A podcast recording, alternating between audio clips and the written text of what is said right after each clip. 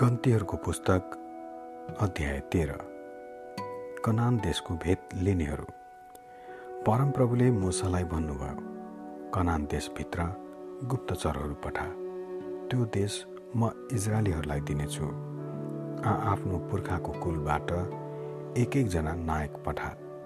यसकारण परमप्रभुको आज्ञाअनुसार मुसाले पारानको भूमिबाट तिनीहरूलाई पठाए।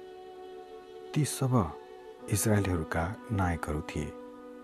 तिनीहरूका नाउँ यिनै हुन्। रुबेनको कुलबाट जकुरका छोरा समूह सिमियनको कुलबाट हुरीका छोरा साफात यहुदाको कुलबाट एपुन्नेका छोरा कालेब इसाखारको कुलबाट योसेफका छोरा इगाल इफ्राइमको कुलबाट नुनका छोरा होसिया बेन्नामिनको कुलबाट रफुका छोरा पलती जुबलुनको कुलबाट सोदीका छोरा गद्दिएल युसेफको कुलबाट अर्थात् मनस्यको कुलबाट सुसीका छोरा गेद्दी दानको कुलबाट गमल्लीका छोरा अम्मियल आशेरको कुलबाट मिखायलका छोरा सतुर नप्तालीको कुलबाट वक्सीका छोरा नहबी गातको कुलबाट माकीका छोरा गुएल मुसाले देशको भेद लिन पठाएका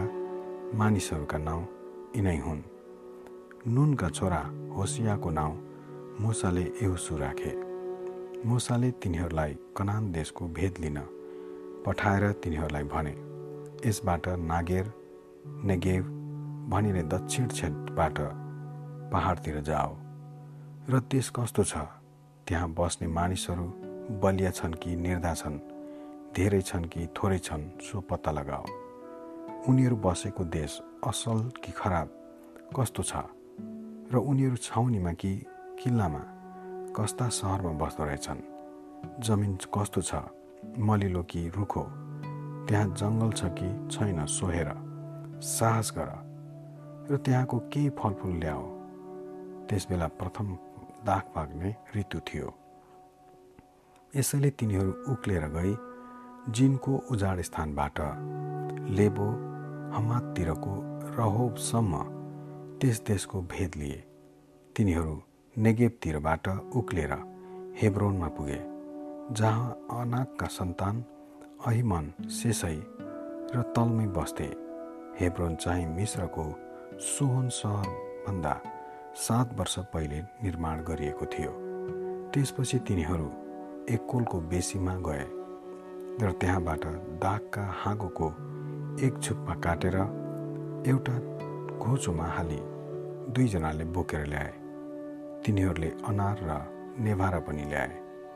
इजरायलीहरूले त्यहाँबाट त्यो झुप्पा काटेको हुनाले त्यस ठाउँको नाउँ एस्कोलको बेसी राखिएको हो।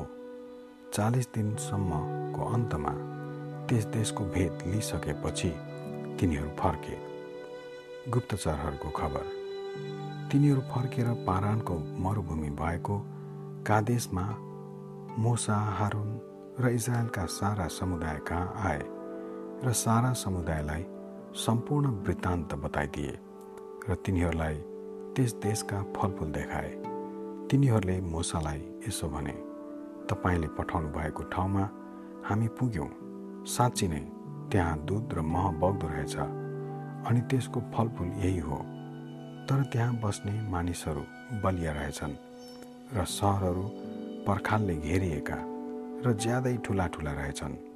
त्यसबाहेक हामीले त्यहाँ अनाकका सन्तानहरू पनि देख्यौँ।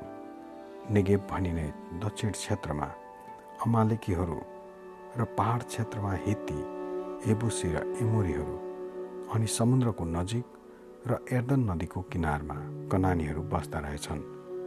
तब कालेबले मुसाको सामु मानिसहरूलाई शान्त गराएर भने हामी तुरन्त त्यहाँ गएर त्यो देश कब्जा गरौँ किनभने त्यो हामी अवश्य जित्न सक्छौँ। तर तिनीसँग जाने मानिसहरूले भने ती मानिसहरूका विरुद्धमा जान हामी सक्ने छैनौँ किनकि ती हामीभन्दा बलिया छन्।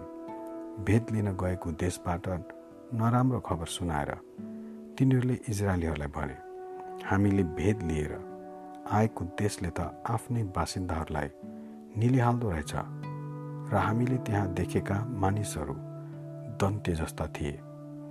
त्यहाँ हामीले नेफिलिमहरू देख्यौँ जसबाट अनागका सन्तान आएका छन्।